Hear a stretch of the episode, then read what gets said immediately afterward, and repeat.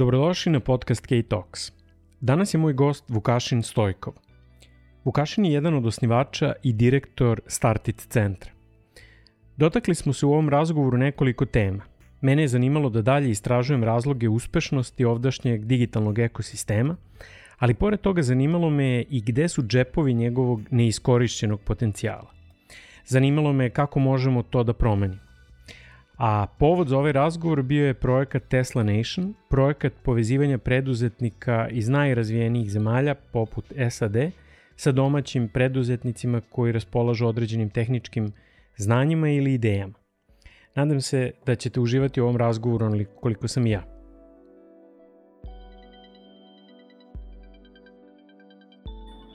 Vukašine, hvala ti što si pristao da govoriš za podcast.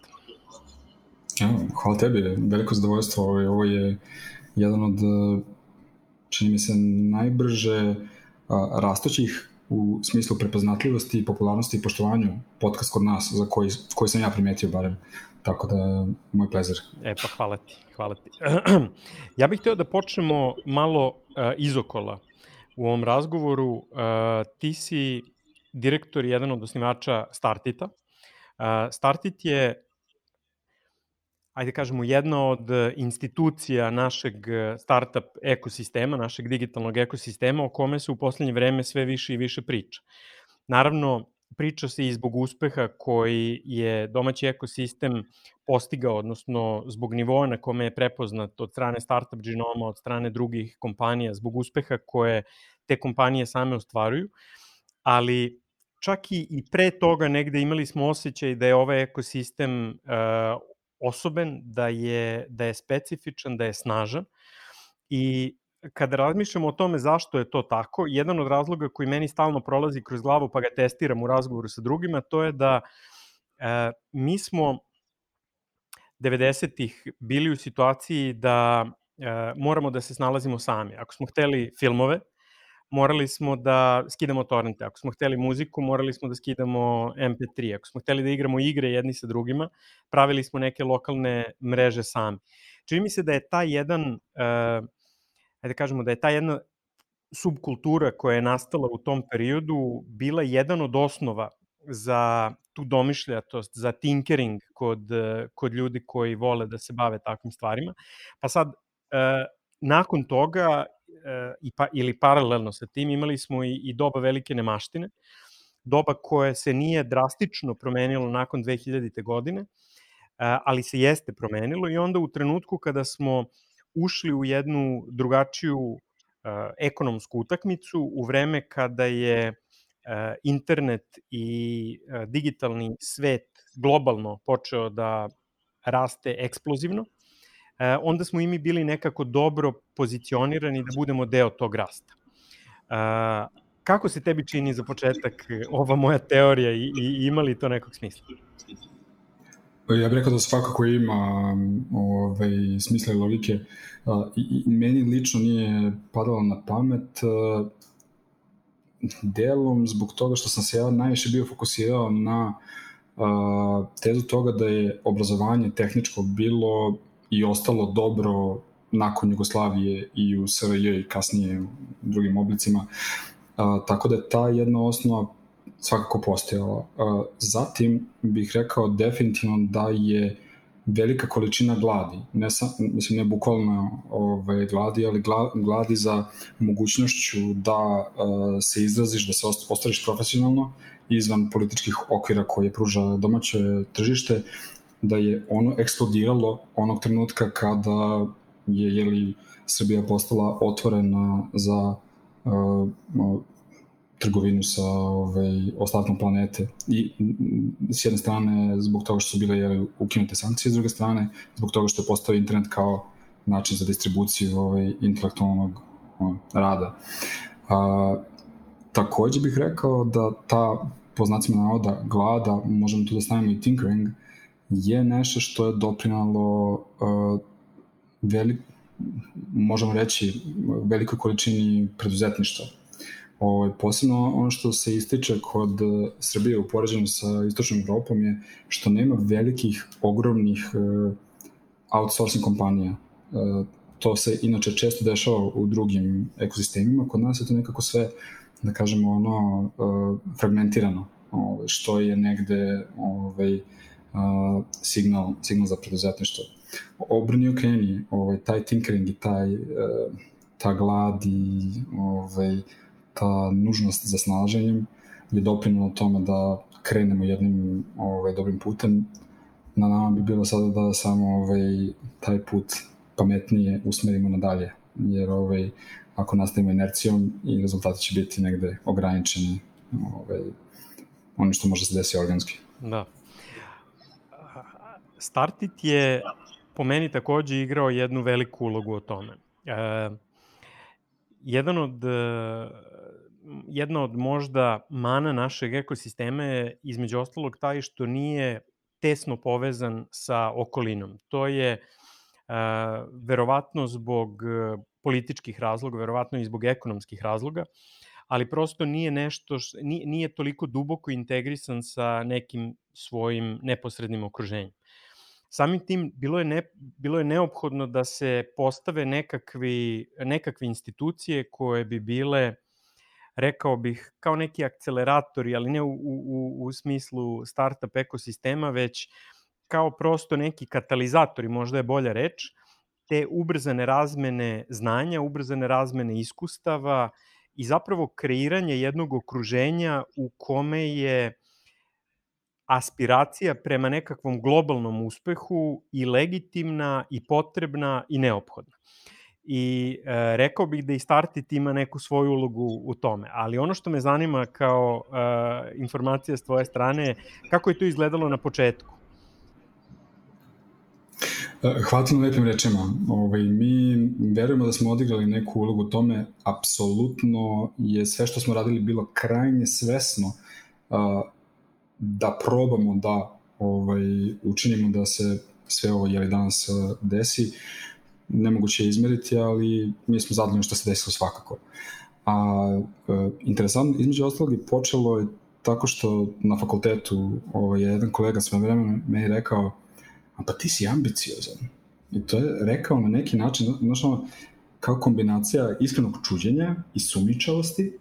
O, ja sam tada studirao ovaj, istoriju, tako da ovaj, možda i to negde ovaj, doprinalo takvom stavu ovaj, kolegi, ali mi se čini da kod prevelikih eh, segmenta našeg društva ambicija nije nešto što se smatra ovaj, pozitivnim, čak ovaj neki jeli, smatraju to negativnim, a ono što je takođe bila stvar koja nas je negde pogurala ka tome da napravimo ono što je kasnije postalo Startit, je bila neka negativna atmosfera koju smo percipirali u onome što je dan, tada postala kao IT zajednica.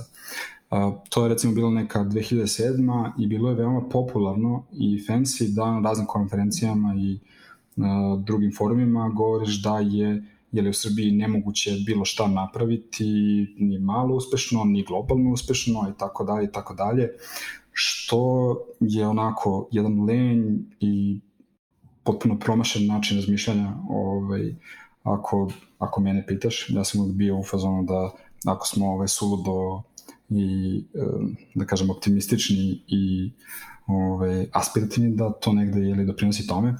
Tako da delom smo nastali kao reakcija na tu neku kolektivnu, kolektivni pesimizam. Uh, baš zato što smo verovali da ukoliko uh, pod jedan kreiramo svest o tome da postoje te prilike u kreiranju jeli, uh, vrednosti za sebe i druge kroz tehnološko preduzetništvo, i ukoliko negde lupamo u bubanj optimizma i ohrabrenja, da će to zapravo da doprinese tome da se to možda, možda i desi.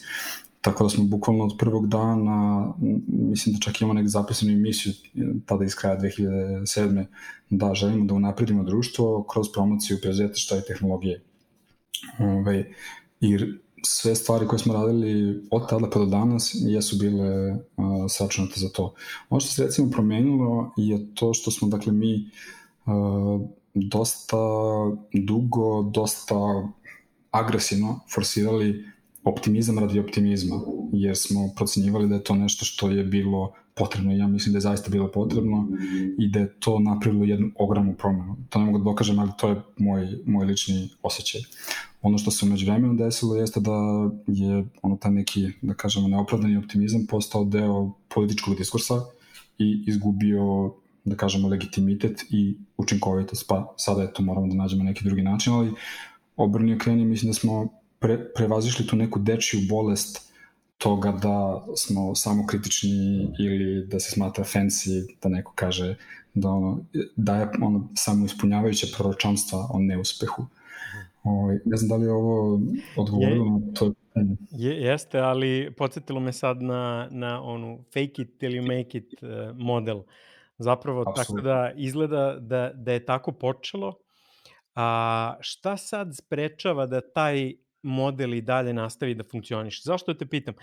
A, startup sistem je, je sistem koji a, zaista preobraća jedan, ajde da kažemo, sposobni deo ljudi, dakle sposobne grupe, i njih pretvara u optimistične i sposobne grupe i onda te optimistične sposobne grupe možda bez nekog potpunog saznanja o tome e, na koji sve način mogu da failuju zapravo, e, uđu u, u te pokuše i onda od velikog broja tih pokuš, pokušaja neki uspeju. Zašto bi se taj model sada menjao?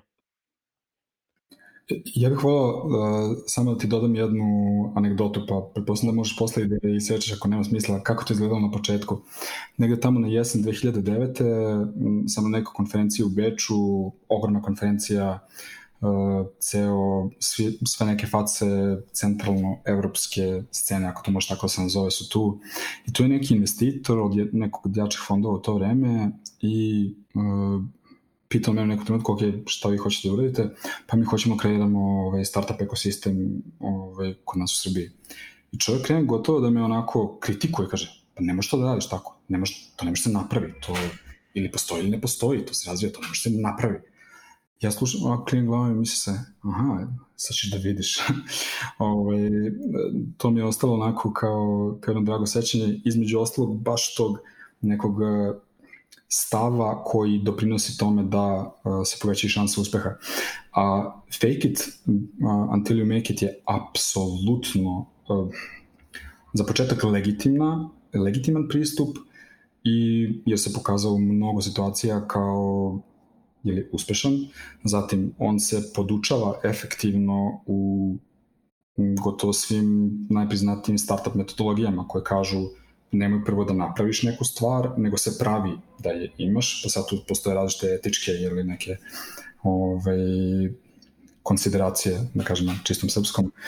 Ovaj, uh, I definitivno je fejkovanje kod nas, ja, ja biram da verujem, uh, odigralo veoma, veoma pozitivnu ulogu, jer je dalo zamah raznim nekim klincima i klinkama i ovaj, nekim starijima da kažu, pa čoče, mogu ja to Ovaj, između ostalog, ja sam sve vremeno i krenuo u pravcu tehnološkog preduzetištva kada je jedan moj prijatelj s kojim sam izlazio u grad odjednom se ispostavio da je napravio sajt koji ima neke ogromne količine korisnika ovaj, i neki prihod i onda sam ja bio fazon počešem ovo ja tako.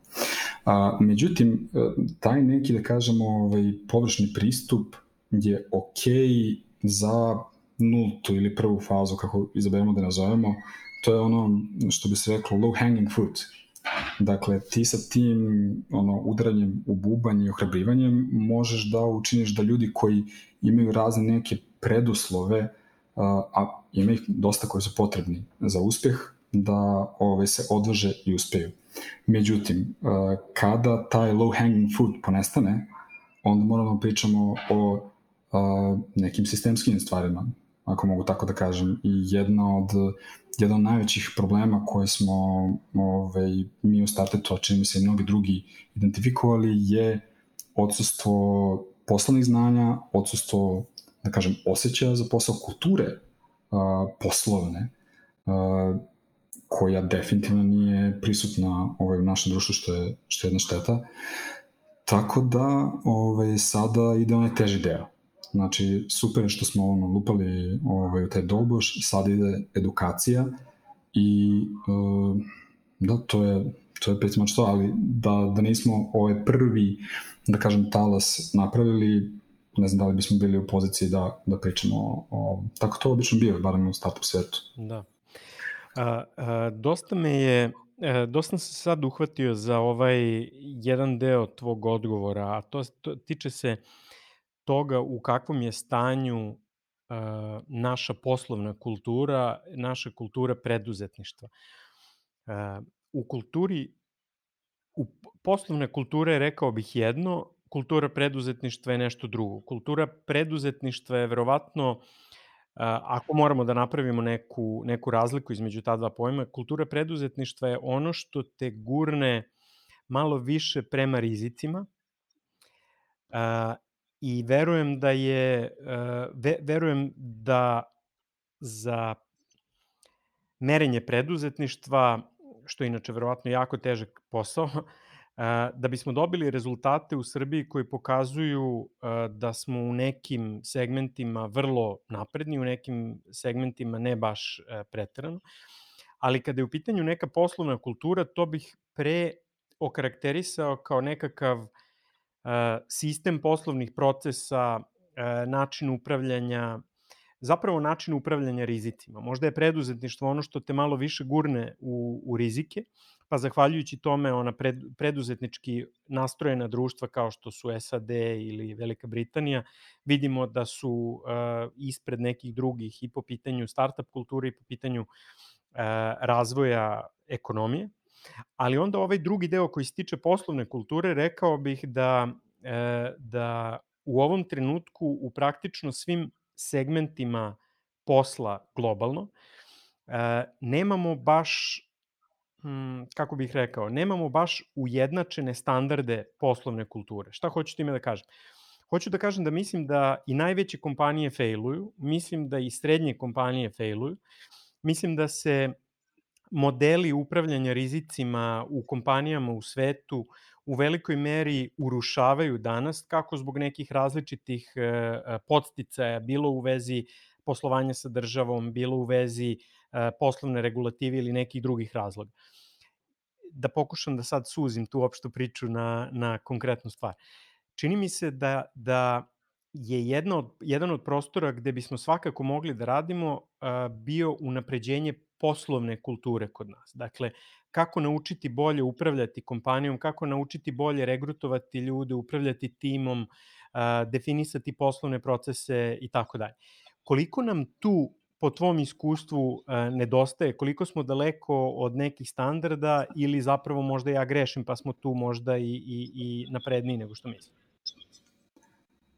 Ja naravno mogu da pričam na osnovu ograničenog iskustva i da kažem nekih segmenta ljudi sa kojima sam najviše radio, recimo su to uglavnom e, inženjeri koji imaju neki preduzetnički osjećaj. Ali mislim da zapravo je i kod drugih um, vokacija zastupljeno. Uh, rekao bi da smo, kada u pitanju ono, kapacitet za poslovanje, onako potpuno ono, kako bih rekao, sakaćeni ovaj, po defaultu time što smo izašli iz uh, obrazovnih institucija iz kojih smo izašli i iz generalne kulture iz koje smo izašli. Recimo, ako pogledamo šta se smatra preduzetnikom i biznismenom ovaj, u Srbiji, to su ljudi koji su stekli uh, bogatstvo na ovaj, neki nečasan način. Uh, to se, to nažalost ovaj dobrim delom i tačno. Uh, pa je li to možda ne doprinosi tome da imamo neki zdravi odnos prema biznisu i novcu generalno, a, koji je satanizovan ono, od strane socijalističke države toliko dugo, ovaj, kao i ono, privatna delatnost. A da probam ja malo da suzim. Ja bih rekao da svakako preduzetnički način razmišljanja, da tako kažemo, ima u sebi ugrađenu onako jednu nadprosečnu toleranciju za rizikom, ali bih rekao da ono, sklonost ka riziku ne čini naravno preduzetnika. Ono što čini preduzetnika je jedna konstantna E, sklonost ka ispitivanju svog znanja, akviziranju novih znanja koja se pokažu kao potrebna, njihova disciplinovana i adekvatna primjena u svrsi poslovnog uspeha i ono tako kreće dalje petlja. Uh, to je nešto što ja nisam imao prilike da vidim često ovaj, kod nas. Uh, prečesto ljudi ne znaju da prodaju, ne znaju da naprave proizvod, ne znaju da pričaju s korisnicima i tako dalje i tako dalje. A da ne pričamo o tome da ne znaju da vode firmu, jer je da bi vodio firmu ti možeš prvo da napraviš nešto što neko hoće da kupi.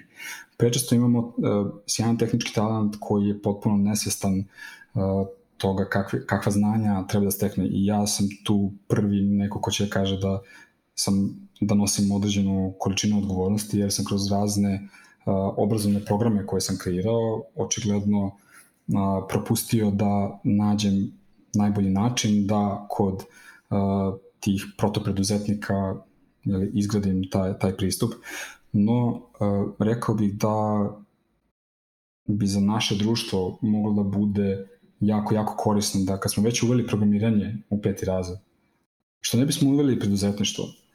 Zato što uh, ne mora svako da bude preduzetnik, ali preduzetnički način razmišljanja je nešto što će učiniti profesionalca mnogo boljim za bilo koju organizaciju čiji je deo. Dakle, to je u pitanju, konstantno opažavamo probleme i prilike i konstantno pokušavamo da nađemo načine da ih e, rešimo i zadovoljimo. Uh, tako da, long story short... Pre, prekinuo bih te tu, da, ima, imam uh, jedno kontrarazmišljanje, pošto sam razmišljao na vrlo sličan način kao ti, a onda sam shvatio da, recimo, SAD, nemaju predmet preduzetništva u principu u školi. Ali šta imaju? Imaju klince koji prodaju limunadu i kolače uh, ispred kuće u, u ulici. Imaju klince koji sa, ne znam, 12, 13, 14, 15, 16 kreću da rade u, u McDonald'su ili gde god da bi zaradili za svoj džeparac. Dakle, mislim da je ta promena uh, koja je potrebna možda više kulturna promena, I hteo bih čak i da, da odem jedan korak u napred i da možda prokomentarišem da u vreme kada uh, se i prodaja i rast uh, postižu nek, kroz nekakve koncepcije kao što su growth hacking ili, ili tome slično, da su zapravo možda ti klinci koji provode toliko vremena igrajući Fortnite ili uh, prateći šta se dešava na, na Instagramu, da su zapravo možda u boljoj poziciji ili makar u negde gotovo izjednačenoj poziciji sa preduzetnicima budućnosti, a to su ti klinci koji a, postoje širom sveta, pa možda je, hoću da kažem, život bolja škola od škole i možda su, možda smo sad u situaciji da imamo približnije prilike sa, sa ostatkom sveta. Da li, da li to možda ima smisla? Apsolutno ima smisla. Mislim, to, ako bismo samo stavili preduzetništvo u škole i kao čekirali ta, tu kuticu, ovaj, no, da ne bismo ništa postigli. Moja neka želja sa time uh, je delom praktična, dakle da damo deci, da tako kažem, neka konkretna znanja o tome šta podrazumeva biznis, kako se pravi proizvod, šta su neke osnovne prodaje, između ostalog reći deci, prodaja nije loša, biznis nije loš jer i dalje čini mi se da mi kao društvo nekako nismo tu skroz načisto sami sa sobom. Dalje, imati takav predmet ovaj, u školama bi napravili neki, neku kulturnu promenu. Učinilo bi preduzetništvo prihvatljivijim, interesantnijim i tako dalje, ali sve bi to naravno moralo da bude praćeno uh, mnogo širim, uh, da kažem, akcijama na nivou celog društva. A što se Amerike tiče, ja bih rekao da oni ipak one imaju uh, koliko preko 300 godina ovaj, tradicije preduzetništva upravo su ono, founding fathers bili preduzetnici, neki od njih na neke krajnje neetičke načine iz današnje perspektive, ali svi su bili veoma, veoma preduzetni. Uh, u Americi je veoma legitimno imati san da postaneš milioner. Uh, ljudi koji su tamo siromašni često nemaju problem sa uh, nejednakostima u imovini zbog toga što i oni žele da budu na mestu onog tipa ili one devojke koja je uspela, plus imaju je li, ogromnu imigraciju. Tamo ne idu najgluplji, najsporiji i najmanje ambiciozni. Ove, ovaj, I razne istraživanja su pokazala da imigranti čine disproporcionalan broj tamošnjih preduzetnika. Malo sam otišao previše u Americi, ove, ovaj, ali bih rekao da uh, ako želimo da, kako te kažem, našoj deci, ovaj, iako mi se čini da to ovih dana termin koji je ove, ima neku boju, ali ne pratim toliko ove, medije, pa mi se omakne. Ako bi se teli da naše deci i generalno našem društvu obezbedimo neku perspektivu, s obzirom na to koliko smo za ostatku, preduzetnički način razmišljanja je nešto što mislim da moramo da razvijemo što više na sve načine. Da li u školi, da li van škole, ovaj, to je, mislim, u krajnjoj liniji, ajmo da razmišljamo o tome preduzetnički. Hajde da istestiramo, hajde da isprobamo. Mi imamo, recimo, ja se nadam da će to da krene već ove godine, uh, u planu godišnju nagradu za ljude koji najviše dele znanja sa drugim ljudima bez da dobijaju bilo kakvu nadoknadu za odvrat.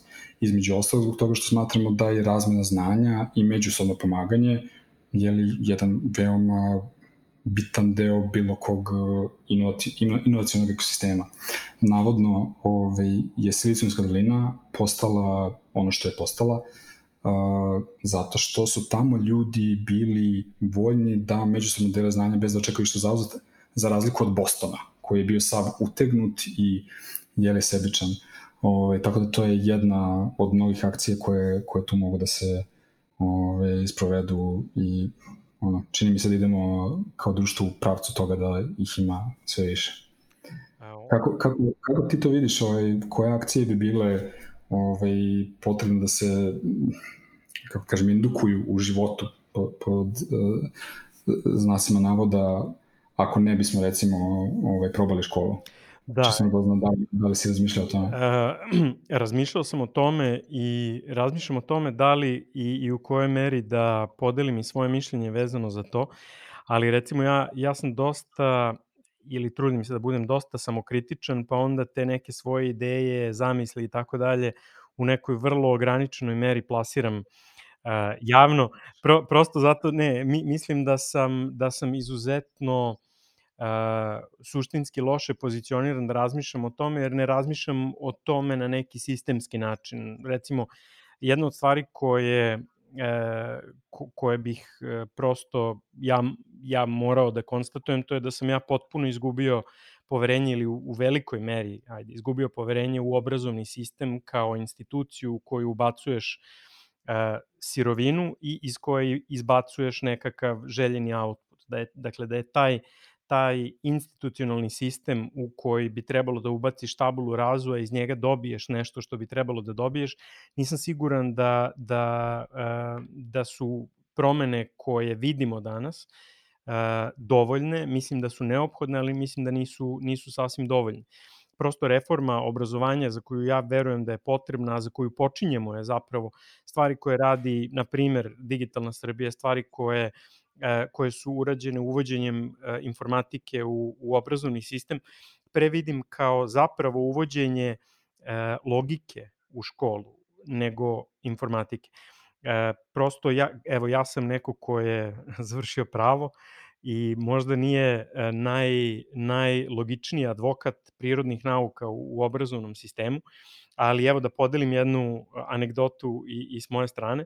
Ja sam bio prirodno-matematički smer u gimnaziji i svi su od mene očekivali da ću da idem na ETF. Ja sam uh, imao ideju i, i trebalo je da, da krenem na upis i usput je, uh, bukvalno usput, uh, noseći sa sobom papire i za jedan i za drugi fakultet, sam rešio da se, uh, da, da, da se upišem na pravni. Uh, razlog za to je taj što mislim da je veća vrednost imati da kažemo, nekakve, nekakav set e, prirodno-matematičkih veština na društvenoj nauci nego obrnuta stvar. Ali evo danas kako, kako vreme prolazi i kako slušam tebe i kako slušam druge ljude koji su dosta u kontaktu sa inženjerima, stičem takođe utisak da bi možda bilo dobro i da se društvene nauke malo čuju na, na a, prirodnim fakultetima.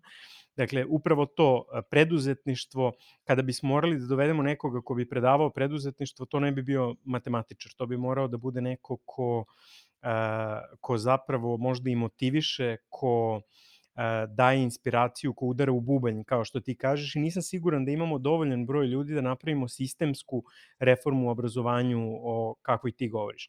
Zbog toga, recimo, ja, duže je priča, ali, ali stižemo do, do poente, ja bih uh, voleo da se ja posvetim, voleo bih da se uh, čitavo poslovno okruženje posveti, voleo bih da se organizacije kao što su Startit posvete izgradnji baza znanja.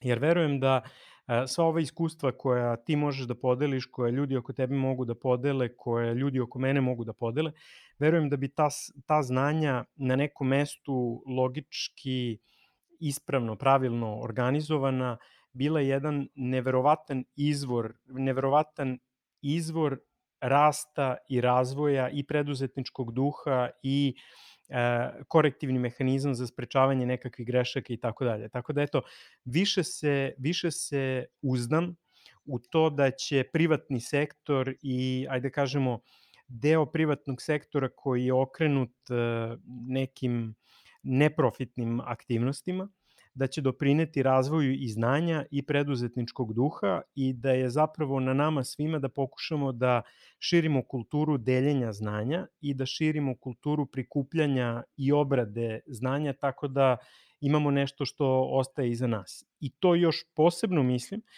da je neophodno u ovo vreme kada imamo toliko buke, toliko, uh, da kažemo, lošeg preteranu količinu površnih informacija. Verujem da nam je potrebna e, mala količina ili manja količina probranih informacija iz kojih svi učimo. Eto, to mi je, to mi je kratak odgovor na, na, ovaj, na, dugačak odgovor na, na vrlo kratko pitanje, ali prosto mislim da je, mislim da je na, na privatnom sektoru jedan veliki teret i jedna velika obaveza u narodnom periodu. Da, da krenemo onda malo u, i u detalje. Pomenuli smo Ameriku i koliko je ona okrenuta preduzetništvu. Pomenuli smo da je to između ostalog i zahvaljujući uh, imigraciji. Pa možda da se osvrnemo na to, uh, ajde u vezi možda najpoznatijeg Srbina koji je emigrirao u, u, u Ameriku. Dakle, šta je to, šta je to Tesla Nation? Super. Dakle, s jedne strane, uh neka naša vizija i želja sa Destinationom jeste da uh, rebrandiramo zemlju, zbog toga što to dobra stvar sama po sebi. Jer trenutno je ili slab brand ili uopšte je neprepoznatljiva, to ima razne neke posledice. Konkretno kada je startup ekosistem uh, u pitanju, želimo da napravimo što je više moguće veza između uh, poslovnih suosnivača sa razvijenih tržišta koji imaju dakle, e, poslovna znanja, koji imaju poslovne kontakte, kojima je potreban partner iz oblasti tehnologije. Zašto ovaj, to želimo da radimo? Zato što želimo na taj način da povećamo šansu našim tehnološkim preduzetnicima za uspeh, a jel imaće veću šansu ako imaju jel, jednostranog partnera koji ima i razne poznanike, ima razne veze, da tako kažemo, koje su veoma legitimna način rada ovaj, u razvijenim ekonomijama i, i razna znanja i nakon što uh, mi sa svoje strane učinimo sve što možemo da ti startupi uspeju, to kreira dobar word of mouth i dobar brand za Srbiju. S druge strane, uh, tehnološki preduzetnici naši koji su zajedno sa takvim uh, suosnivačima pravili startupe, možda u sledećem ciklusu neće morati da imaju takvog partnera, jer su naučili ovaj, fore i cake radeći sa nekim i stekli sami ovaj, neku mrežu kontakata. Tako da cilj nam je da ubrzamo taj razvoj domaćeg ekosistema dok uh, sa, sa strane društva i obrazovnog sistema ne dođemo do toga da smo izgradili te kapacitete interno. Jer očigledno da postoji velika korelacija između uspeha kada staviš nekog iz Amerike i nekog iz Srbije da prave ovu tehnološku kompaniju Uh, I generalno nije uopšte loše imati veoma, veoma razvijene ekonomske odnose sa najmoćnijom zemljom sveta i najprogresivnijom u sve njene mane. Tako da ovaj, to, je, to je otprilike ukratko ovaj, šta je Tesla Nation. To je odgovor na pitanje šta je Tesla Nation, a šta je to specifično u načinu na koji Tesla Nation radi? Dakle, šta je ta neka specifična ponuda koju on ima u odnosu na slične projekte?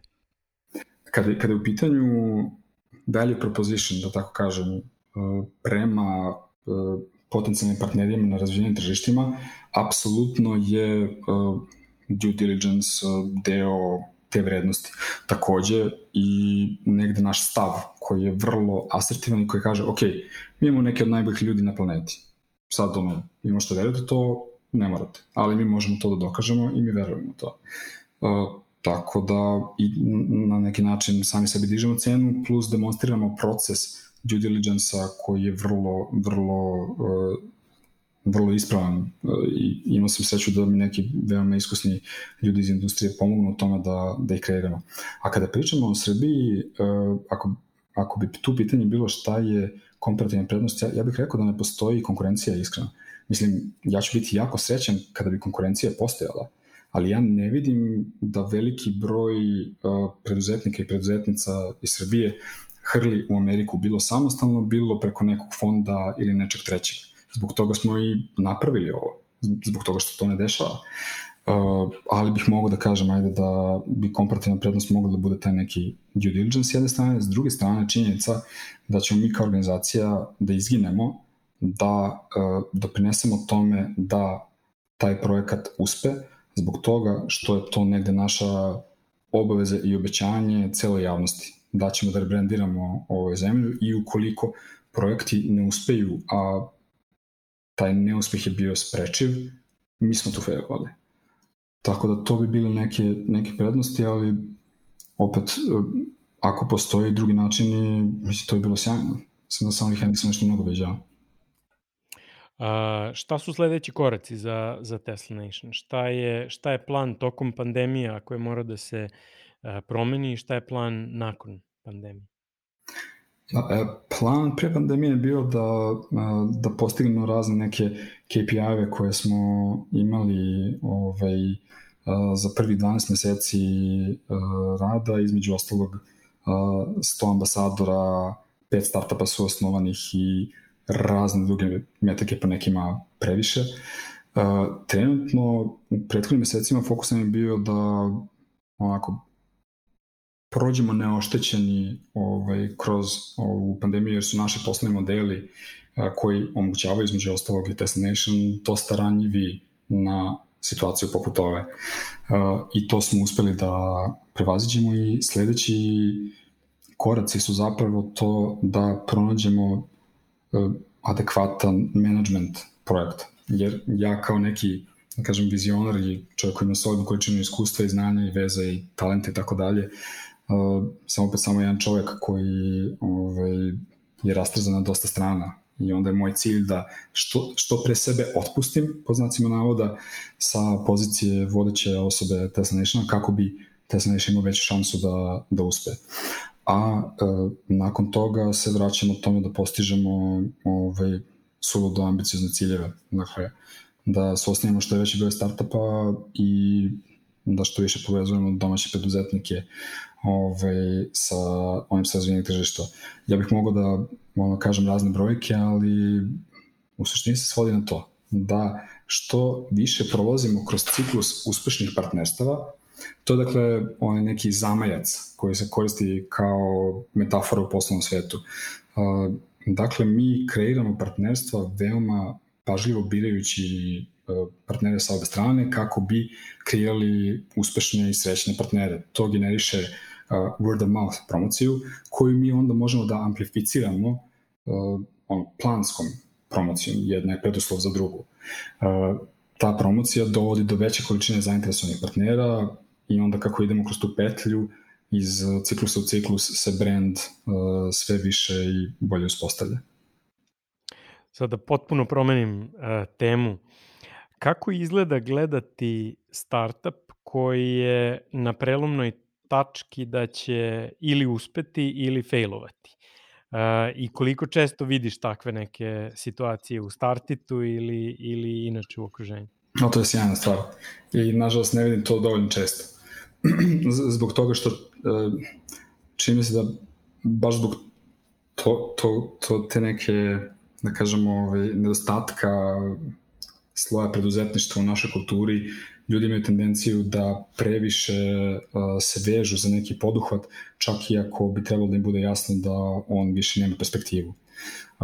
To može ima veze opet i sa stigmom oko neuspeha, tako da ja kada posmetam startup koji se lomi da li će da uspije ili ne, meni to sjajno, zbog toga što to znači da neću gledati ljude kako se mesecima ili godinama muče oko nečega što očigledno odavno ne funkcioniše.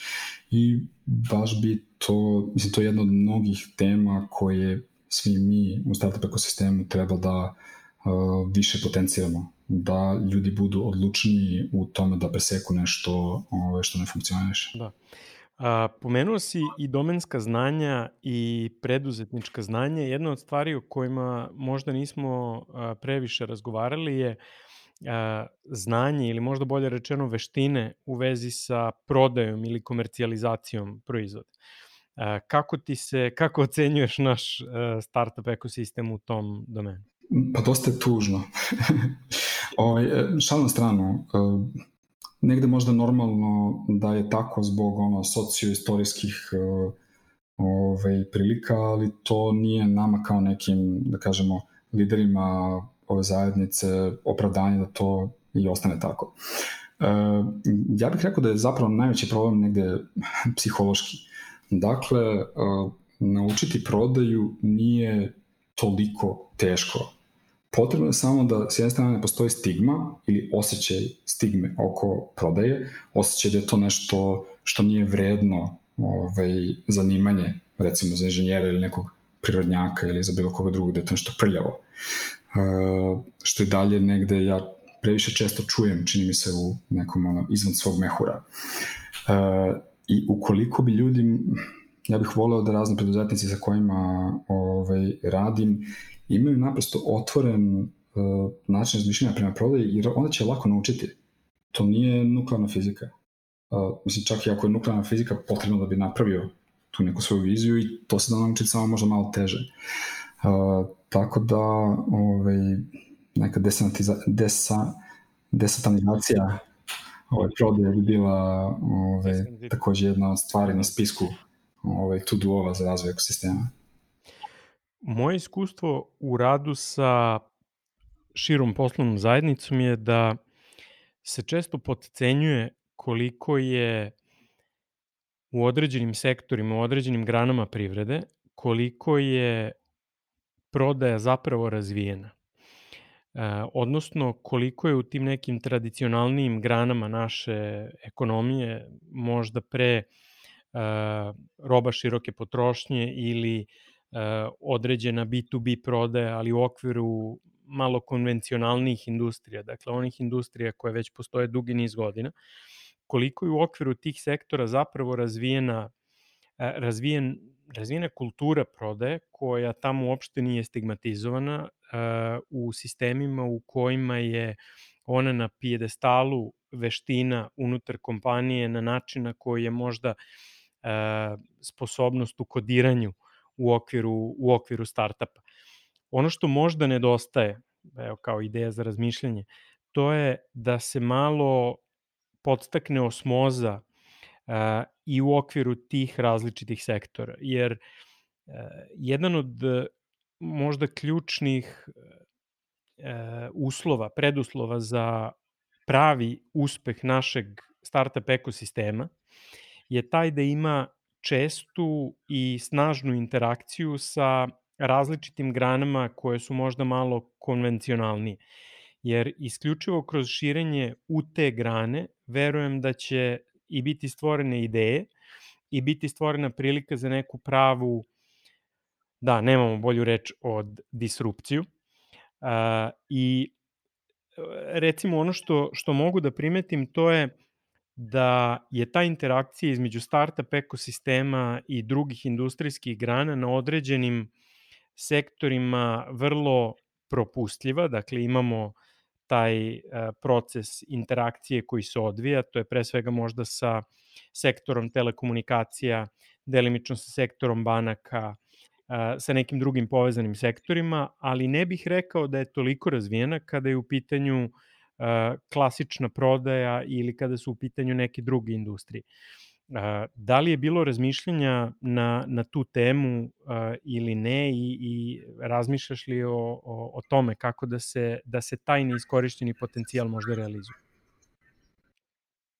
A, ja, ja bih rekao da mi je utisak da među, aj kažemo, možda nekom startup ekipom, a, nije samo da se pocenjuju kapaciteti a, tradicionalnog sektora za prodaju, nego za sve.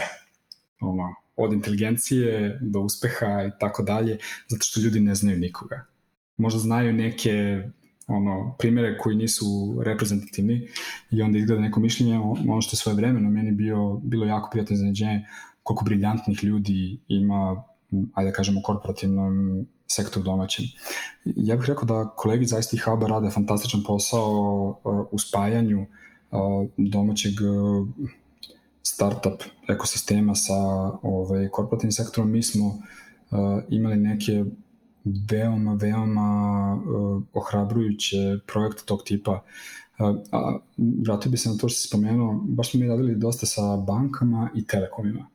Ono što je interesantno, to su IT firme u neku ruku, jer njima toliko toga zavisno od tehnologije da oni ovaj, se ne pitaju mnogo da li će da sarađuju i kako i tako dalje. A, ono što bih ja istakao kao bojazan samo, ukoliko bismo se u potpunosti oslonili na to da startup ekosistem učimo, da kažem, biznisu kroz uh, spajanje uh, sa domaćim tradicionalnim sektorom jeste to što mi se čini da bar dobar deo domaćeg sektora za koji ja znam je uglavnom usmeren na lokalno tržište ili na neka okolna gde su pravila poslovnog ponašanja, pravila igre generalno, načini na koji se poslovi dobijaju, gube, realizuju, čini mi se dosta drugačije nego u, na onim tržištima kako ima jeli, ovaj, težimo, a to su to je zapadna Evropa i pre svega Severna Amerika. Tako da bih ja pažljivo ovaj, dozirao to, jer čini mi se da način prodaje koji funkcioniše u srpskom korporativnom svetu ne bi nužno funkcionisao u a, američkom. Nesporno, ovo sasvim je moguće da si upravo, samo mi se čini da a, kada si pominjao onako na, na inspirisan način ili inspirativan način to kako se u, u Americi zapravo stavlja akcenat na prodaju i to na koji način su oni možda bih rekao opušteni u odnosu na to šta znači prodati i kako izgraditi odnos sa, sa svojim kupcem i kako da taj odnos zapravo bude uh, i dugoročan i e, obostrano zadovoljavajući. Čini mi se da, da te neke karakteristike vidim e, možda i zaključane kao neki potencijal u određenim sektorima, pa čak i ako ne dolazi nužno do te e, propustljivosti između dva, dva sektora u pogledu nekih opštih ideja i načina poslovanja, možda bi imalo smisla makar u tom jednom e, delu gde bi se razmenjivalo znanje i iskustva vezano za, za način prode i izgradnju tih odnosa, možda bi to bila, bila jedna uspešna kombinacija. Ah, to je, to je nešto što je light motiv možda ovog razgovora kako ne postoji jeli sebrni metak, nego moramo raditi desetine stvari u isto vreme.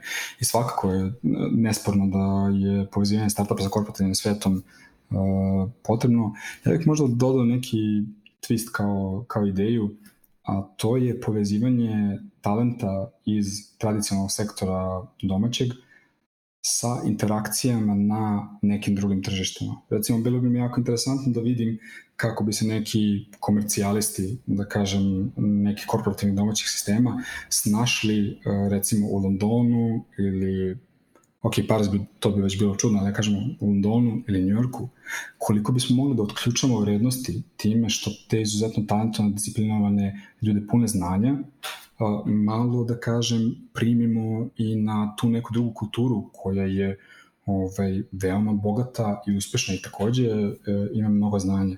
I tu bi možda mogo da bude jedan od ono delova uspešne buduće ekonomije Srbije, da zapravo krenemo da pravimo jedan kulturni zaokret prema ovaj, izvozu, ali ne kao nekoj izbornoj krilatici, nego jednoj istinskoj imerziji sa ovaj, bogatim tržištima, gde ćemo i ljude koji čukaju kod i ljude koji zovu telefonom da ovaj, prodaju neku robu usmeriti uh, tamo gde prilike uh, onako, malte ne upadaš u njih. Ovaj, to, to je recimo jedna nevjerovatna stvar. Uh, koliko se meni barem dešavalo da sa nekim potpuno nasumičnim susretima i situacijama dođem u izvanredne prilike koje mogu da ponudim našim preduzetnicima. Koliko je taj poslovni svet s jedne strane razvijen, bogat, ali i spontan. Koliko, to je ovo što ti ovaj, ta neka opuštenost. Tako da, eto, ovaj, rekao bi da ono, bi bilo interesantno izvući, mislim, ne izvući, nego uh, iskoristiti taj talent korporativnog sektora kao polugu za ovaj, razvoj i startupa i privrede generalno. A kada je u pitanju domensko znanje, ovaj, to je to je isto jedna dosta ovaj, suboptimalna stvar, gde kada je neko inženjer, on uglavnom samo zna da pravi proizvode za inženjere ili nešto drugo što vidi sa strane.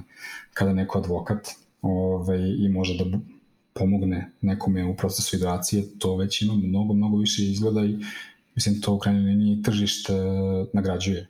Uh, investitori, ako to neko tržište jeste, uh, nagrađuju one startupe koji imaju su osnivače koji i čukaju kod i kapiraju neku industriju koju hoće da ja bih predložio reč podriju za disrupt. Zašto čini se da to dosta dobro uklopa i sa Kristensenovom teorijom, gde on kaže da ovaj, taj novi izazivač ide ispod ovaj, postojećeg, kako se zove, uh, dominantnog igrača i sa cenom i sa kvalitetom, ali onda zapravo ovaj, potpunosti izdominira da, kasnije. Podrivati, to je dobar, dobar, dobar termin. A, hvala ti na ovom razgovoru. Ja sam se oko mnogih a, stvari sad ponovo zapitao, pa a, pokušat ću da, da sve te nekako misli saberem i da, da dođem do nekog sledećeg razgovora možda sa, sa konkretnim razmišljanjima šta bi moglo da se uradi. Ono što mi ostaje kao neka nedovršena stvar, ali mislim da je neophodno da bude nedovršena stvar, to je kako te neke džepove potencijala koji definitivno postoje i koje mislim svi mi prepoznajemo kao ajde, zarobljeni potencijal unutar našeg šireg ekosistema, ali ne samo ekosistema koji je po prirodi stvari digitalizovan i okrenut ka digitalnom, već i u konvencionalnim industrijama koje možda nisu imale dovoljnu, koje nisu bile u dovoljnoj meri u susretu sa digitalnim podrivačima e, zato da bi možda i oni došli e, do, do neke svoje ideje. Prosto ostaje mi kao nedovršena e, priča to kako da te sve džepove e, potencijala iskoristimo do kraja i želim i da ti se zahvalim za, za svemu što radiš konkretno za taj, za taj ekosistem i što odčepljuješ te džepove jedan po jedan. Ja se trudim, hvala puno na ljubaznim rečima, hvala tebi na ovom razgovoru. Ovaj, ovo su neke no, ne, novi formati koji su veoma, da kažem, veoma doprinose popularizaciji važne teme i kod, da kažem, onih što čukaju i kod ovih što ovaj, prodaju. A, ja bih rekao da samo treba vreme i novac za te džepove, po znacima navoda. Ovaj, samo iz godine u godinu čini mi se da smo ovaj, kolektivno sve bolje, ali nedovoljno dobri za ono gde nam je aspiracija. A, to je sad, u startupima to često ide u tim nekim uh, kao uh, testerastim potezima. Malo uh, krene hype ispred realnosti, pa onda neko vreme se radi na ovaj, suštini bez vremena da se ovaj, radi na hype-u. Tako da možda to nije nužno loša stvar, ali definitivno svi mi u ekosistemu imamo dosta domaćih ovaj, da uradim. Hvala puno, Pastor na bilo je čast zadovoljstvo.